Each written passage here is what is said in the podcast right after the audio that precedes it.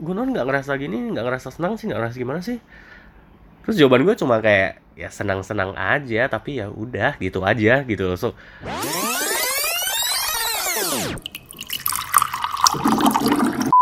Hey, what happened? waktunya kobako.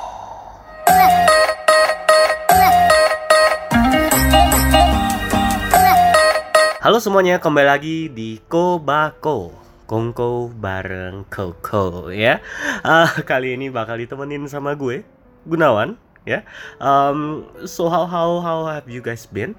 Yeah, has it been an awesome month?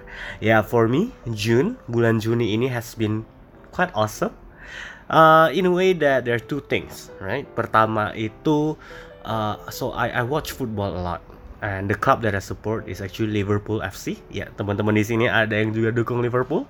Kalau kalian dukung pasti tahu ya kenapa June has been awesome month. Um, so yeah, we we finally won something. Liverpool FC won uh, finally won uh, the UEFA Champions League. Nah, bagi teman-teman yang mungkin nggak nonton bola, ya anggap aja kayak uh, itu salah satu kompetisi paling uh, paling apa ya paling bergengsi lah di dunia sepak bola gitu ya. So yeah as a of course as a supporter yang selama ini you know jarang merasakan kemenangan uh, akhirnya ini menjadi salah satu masa terindah yang gue alamin. Terus hal kedua, um, mungkin bagi teman-teman yang uh, you know, close friends and ya yeah, basically people yang follow IG gue, uh, you guys know that I've uh, actually just uh, moved to a new uh, workplace. Jadi ya gue baru pindah kerja. Um, so I I moved to a company in which that uh, I can say is one of my um, dream company. Terus selain itu yang makin kecenya lagi adalah um, I move uh, to be based in another country gitu ya. Jadi nggak hanya cuma pindah kerja, pindah kantor, tapi juga pindah uh, lokasi kerjanya sendiri kayak gitu. So yeah, right now I'm not in uh, Jakarta. Um, as long as I still work in this place, I can see myself still stay in uh, this country basically. Um, kasih tahu nggak ya lokasinya, but ya kalau teman-teman yang ya mungkin nggak tahu dan sebenarnya kenal gue, um, ya bisa langsung chat gue pribadi aja kali ya. I'm not sure I don't feel that comfortable sharing um, about where wh- what is the new company and where I I move. Um, so yeah, I don't think I gonna mention it here. Um, nah, biar agak misterius sedikit gitulah ya. um, so I can say June dan ini kayak kita baru masuk minggu ke-2 Juni. Um, yeah, it's, it's been awesome. Two awesome events happened. Um, I think ini juga yang akhirnya membawa uh, apa ya gua untuk ingin ngebahas sesuatu di episode kali ini kayak gitu um, kalau untuk teman-teman sendiri nih ya misalnya nih misalnya oke okay, mungkin gak usah yang nonton bola kali ya itu kayak nggak gitu valid untuk semua orang. Kalau misalnya nih teman-teman akhirnya uh, mencapai satu impian yang selama ini teman-teman inginkan. Nggak harus your end goal tapi mungkin ya uh, impian-impian uh, yang tonton miliki lah gitu ya. Uh, how how do you feel? You know like do you feel happy? Do you feel excited? For example misalnya ini deh kalau misalnya teman-teman uh, pindah ke tempat uh, kerja idamannya mengerjakan hal idamannya gitu ya how are you supposed to feel right? Uh, of course people will always say pasti happy pasti bangga pasti excited. Dan itu nggak cuma ditampilin secara verbal ya nggak cuma ngomong eh gue happy banget gue seneng banget tapi juga kelihatan dari facial expression dan juga pembawaan sehari harinya right do you agree Nah, uh, so this this is where the problem comes with, comes in, right? So, uh, jadi pas gua uh, ada kasih tahu teman-teman kayak gua akhirnya berhasil nih pindah ke tempat yang gua inginkan gitu ya. Um, of course the response is like congratulations Gun, wah kece banget nih bisa pindah ke tempat idamannya segala macam segala macam. And my reaction is always like, yeah, uh, thank you that's it gitu kan. Kalau mau tambah-tambah lagi ya mungkin kayak ya thank you. Uh, gue juga nggak expect gue bisa diterima segala macem gitu. But I can say that ya yeah, more than 50% of uh, people yang pas congratulate gue dan ngeliat ekspresi gue mereka pasti bakal tanya Gun kok lu nggak terlihat excited sih? Lu kok nggak terlihat senang sih? Gitu kan. Dan pas mereka bilang gitu gue awalnya kayak eh, emangnya gue nggak menunjukkan kesenangan. Dan gua kalau gue coba untuk merefleksikan diri lagi ya gue memang nggak menunjukkan excitement atau kesenangan kayak gimana banget sih gitu ya. Um, karena dari pola pikir gue gitu ya pas mereka langsung nanya gitu gue langsung mikir ya udah maksudnya pas ditawarin kerjaannya dapat offernya tentu gue uh, happy lah happy in a way kayak lega gitu ya karena of course teman-teman pasti semua udah pada ngerasain kalau dalam posisi proses interview proses rekrutmen itu dedekan banget lah untuk dari satu tahap ke tahap lainnya tuh untuk dapat kabar dari HR-nya tuh kayak aduh kok nggak dikabarin sih? Kok nggak dikabarin sih? Dan in this case tuh kasih gambaran gue prosesnya itu around two months sampai dapat offernya. Terus nunggu lagi sekitar enam minggu untuk dapat izin kerjanya. So it's it's been very tricky. Dan when when my friends um, when I told my friends that I got the job itu pas gue dapat offernya pas gue dapat accept offernya. Tapi pas setelah itu kan berarti gue masih nunggu 6 minggu lagi untuk dapat pas kerjanya sendiri. Gue juga biasa bilang ke teman gue kayak ya ini kan kerja lagi juga gitu kan.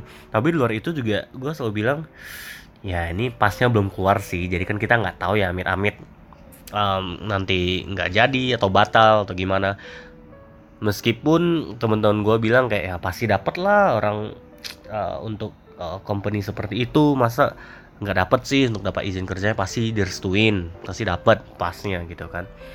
And I my my my response is always like ya kita lihat nanti lah ya semoga semoga. So I, I've never really felt like you know like excited that much in a way kayak I think I don't feel confident yet gue akan mendapatkan posisi itu selagi pasnya belum keluar, right? Selagi gue belum memasukkan resignation letter, right? So, if there is still that possibilities kalau gue belum 100% dapat, gue tuh nggak akan menunjukkan kesenangannya itu sendiri, gitu, right?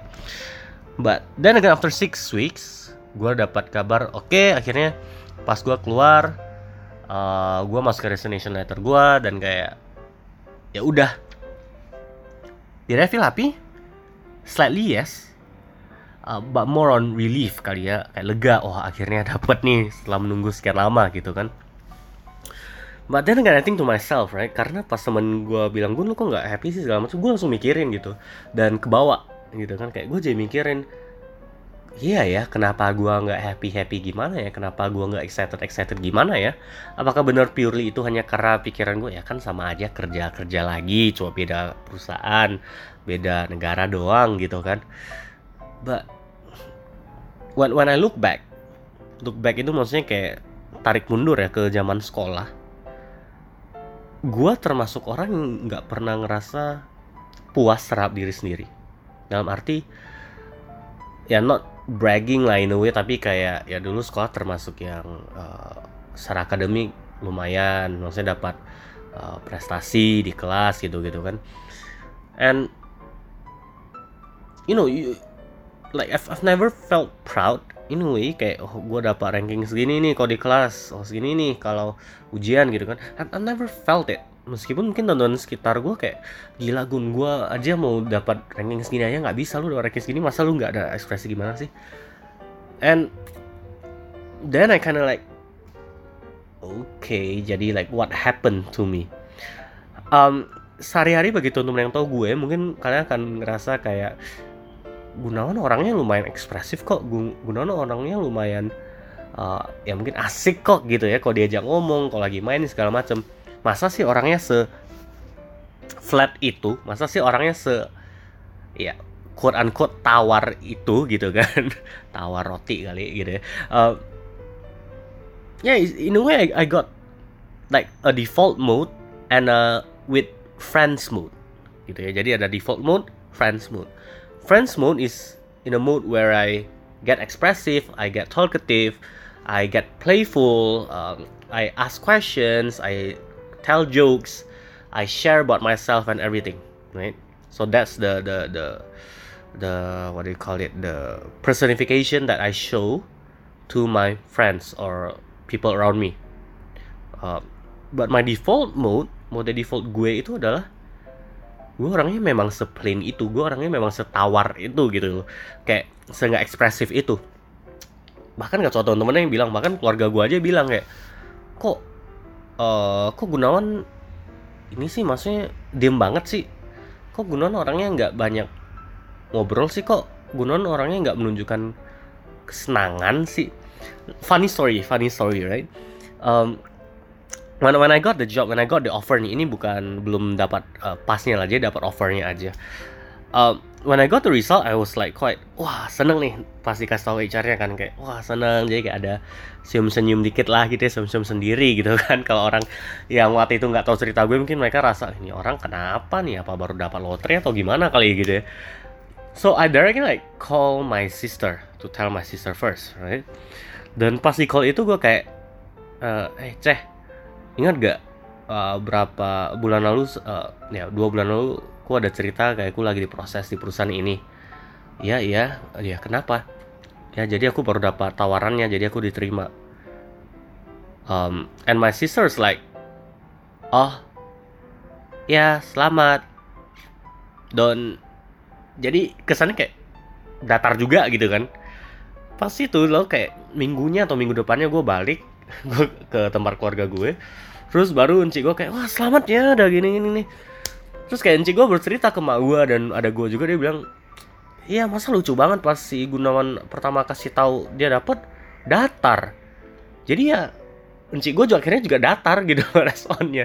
Maksudnya dia mau hype juga bingung gitu kan.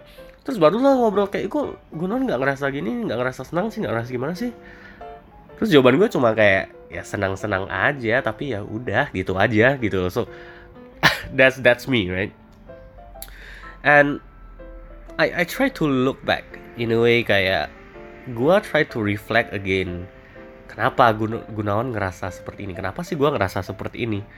Why am I not quote unquote normal? Why am I not showing an expression of how a normal human should be showing when I when they achieve a goal or when they achieve a dream that I've been dreaming of, right? So, I think, I'm not sure teman-teman, teman sendiri apakah kalian se-flat ini juga? Atau kalian tipe yang lumayan ekspresif? Atau uh, like am, am, am I normal? In a way, right? Uh, so let let me share you my thoughts. Tapi bagi teman-teman yang mungkin juga dengerin mungkin gue juga saling cerita kenapa ya gue ngerasain kayak gini?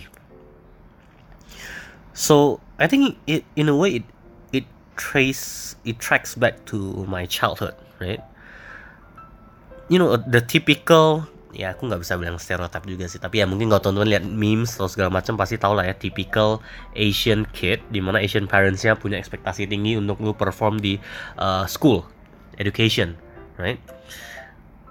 My my parents are not the type that, especially my mom ya, karena mungkin gue say lebih sering sama my mom. My mom is not the type that showed uh, extra excitement when I got uh, uh, uh, an achievement in school. Saya kayak gue ranking 2, gue ranking 3, ya, you know, di kelas kayak juara berapa, juara berapa. Dan mak gue tuh lebih kayak yang, oh, uh, oh juara dua, wah si itu hebat ya juara satu misalnya. Kayak wah juara tiga. Kok turun sih? Kenapa tuh si itu jago ya juara naik dia so there's a kind of comparison right like you know the typical like Asian parents are never happy uh, never proud with their children unless that they are the top of their class for example right then I'm in a school where there are a lot of Asian kids. Asian is okay like Chinese kids lah mungkin ya sebutannya. And their parents typicalnya kayak gitu semua, like competitive and stuff. Dan saking kompetitifnya tuh mereka tipe yang gini ya, kayak lu tau di sekolah kan ada ini ya apa mata pelajaran keterampilan di mana ini sekolah dasar loh ya. Di mana anak-anak tuh diminta tuh gambar dan ambil nilai. Gue gambar tuh gambar sendiri. Sebagian besar temen-temen gue tuh di kelas gambar ya gambar sendiri. Jelek ya udah jelek right?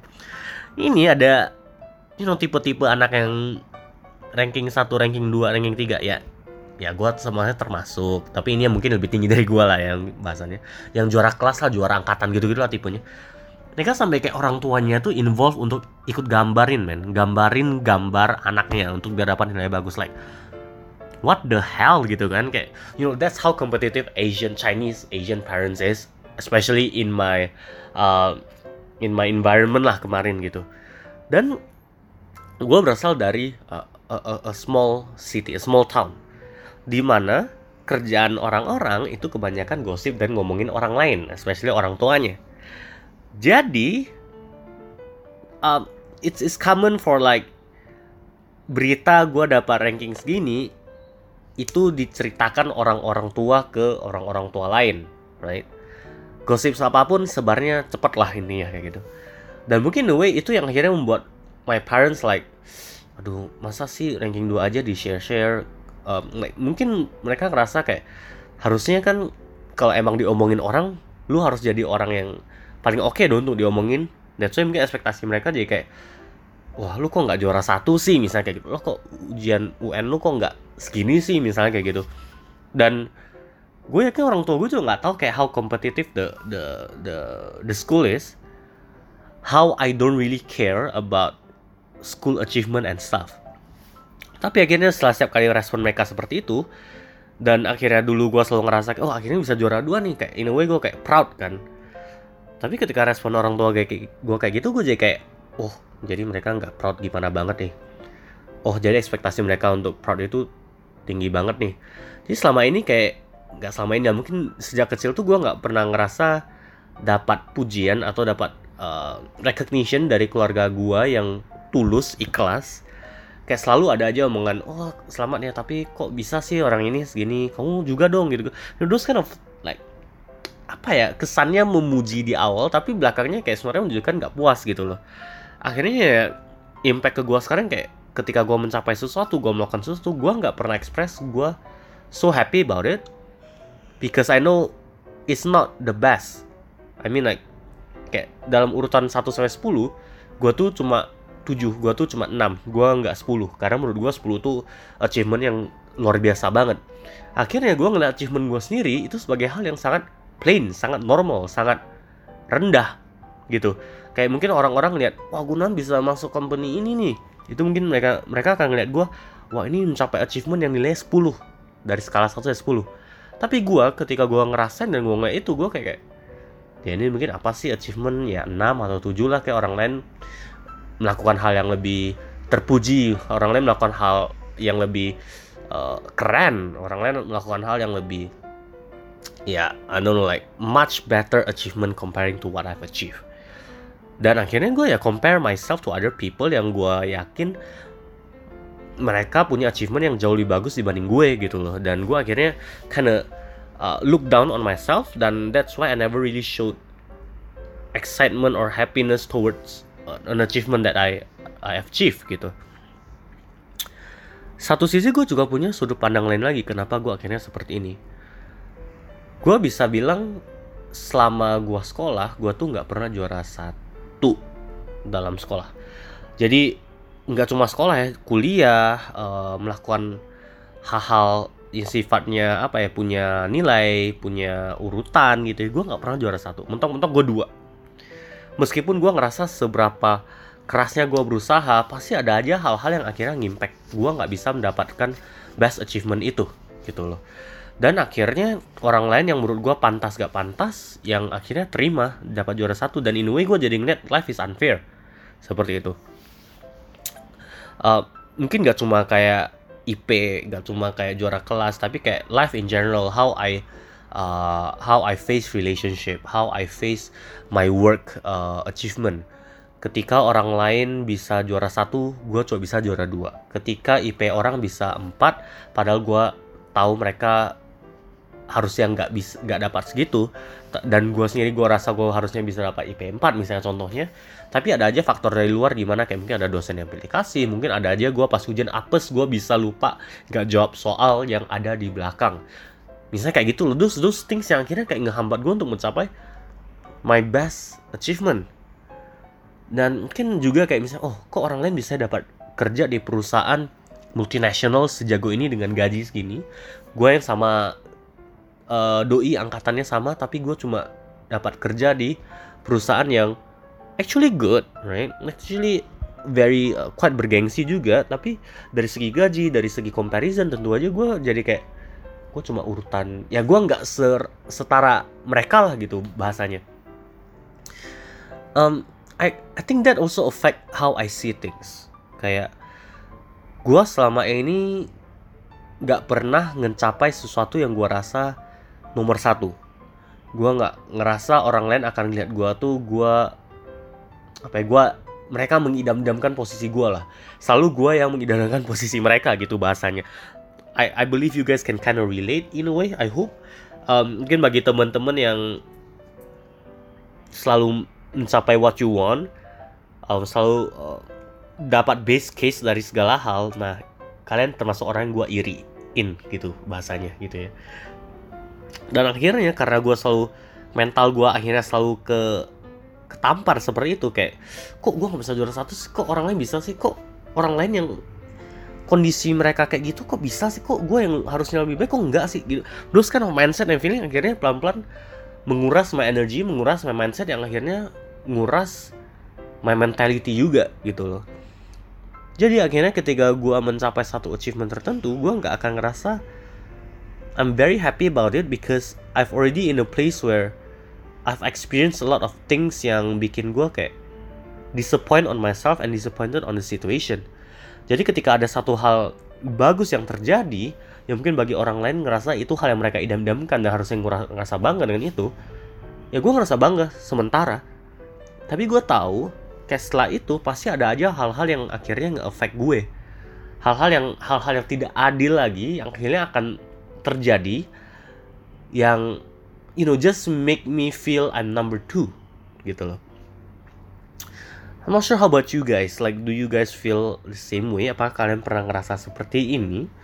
Does it like make you depressed in a way? Does it, you know, like have you ever felt disappointed and felt cheated on some uh, situation or some situation yang kayak, you know, why are you the one that cannot achieve it why other people can achieve it akhirnya dengan seperti itu ketika gue merasakan sesuatu ketika gue mencapai sesuatu ketika gue melakukan sesuatu either is a good or either is a bad I've never felt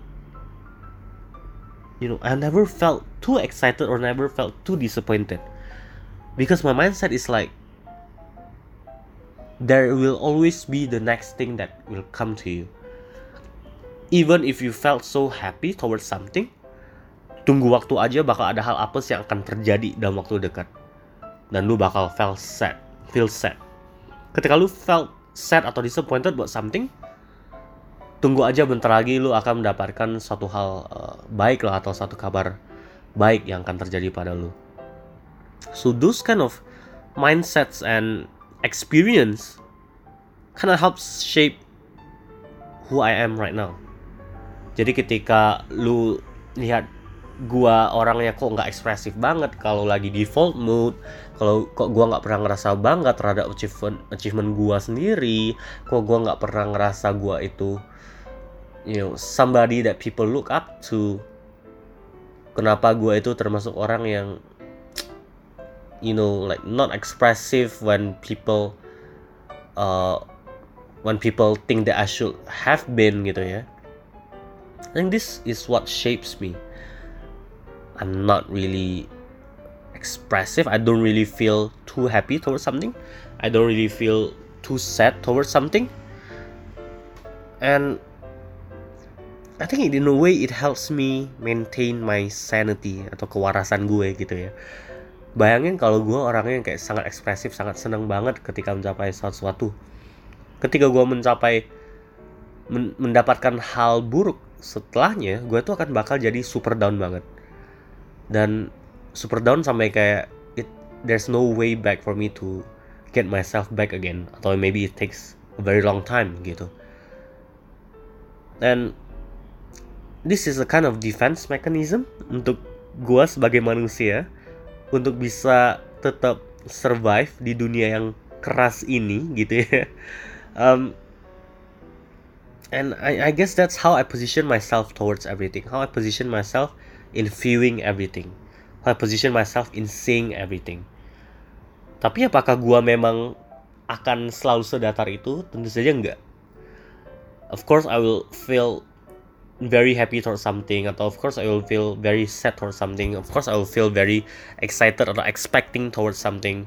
And I know that whenever I feel that there will be a kind of a worst case atau best case yang might happen next. But yeah it, it just happens you know. As a human that is a normal feeling. That's normal emotion. You are human because you showed emotion right? And it the difference will be comparing myself before and right now. Right now even though I felt very happy towards something or I felt extreme towards something gue akan dengan cepat mengontrol diri gue untuk kayak gue jangan feel too happy atau too extreme towards something. Karena ya just just enjoy it tapi kayak just prepare yourself for what will happen next either it's good or bad. And I can say it helps me survive till right now gitu. Right. Kayak gue termasuk orang yang selalu banyak mikir selalu banyak ya think about strange things yang harusnya nggak dipikirin orang-orang. That means I get very sensitive towards something that means I get very moody towards something. And I think this is the best method at least for now for me to kind of ya keep my sanity in a way untuk tetap waras gitu ya untuk nggak jatuh ke luka yang terlalu dalam. uh, what what do you guys think about this? Like, are you guys the type that get sensitive towards something easily? Are you guys the type that is very expressive towards something? Are you guys the type that always keep yourself neutral and flat all the time? Um, yeah, it's it's, it's a nice way. Uh, for us to kind of discuss this. If you have any um, ideas atau any fun stories atau any mungkin questions ya bagi teman-teman yang sedang belajar untuk tetap flat gitu ya. You can just nudge me or chat me in a way. I can kind of share my experience more for you. Um, yeah, just just a tips for me for you guys is just don't get yourself to feel too extreme towards something anggap aja hidup itu kayak roda kadang tuh akan selalu di atas kadang tuh akan selalu di bawah jadi ketika lu sedang mencapai kesenangan yang sangat tinggi yeah, of course you can always feel happy towards something. Of course you can always feel proud towards something. But just remember that life is not always you know, like a rainbow. Nggak selalu sebagus itu. Just prepare yourself for your next uh, happenings. Mau itu good things mau itu bad things. Again life is we, we see life as a day to day right? Kita lihat hidup itu sebagai hari demi hari satu hari bisa apes banget keesokan keesokannya bisa beruntung banget so in a life where it's so stress where there are a lot of pressure from every every direction dari keluarga, dari pasangan, dari kerja, dari diri sendiri. It's it's best for us to kind of create a defense mechanism for us to kind of maintain our emotion, maintain ourselves so that we can survive to the next day basically. Um so yeah, I guess that's all for today. Um but I can tell you that I'm I'm I'm happy for for what I have achieved until now even though hidup gue seapes-apes dulu kalau gue look back at what I've achieved right now kayak ya memang itu hal apes yang memang harus gue lalui untuk mencapai my dream for now. Apa dream gue selanjutnya? I'm still not sure. I'll, I'll again I'll just take it day by day. And hopefully then I can find a thing that I want to do uh, for the next goal I guess. So yeah um, have fun everyone. And oh yeah, uh, selamat hari lebaran bagi teman-teman yang merayakan um, I know ini udah masuk kerja lagi but hopefully your your holiday has been awesome. Hopefully bagi yang merayakan bersilaturahmi dengan keluarga dan saudara has been awesome. And have fun working then. Okay see you on the next episode. Bye bye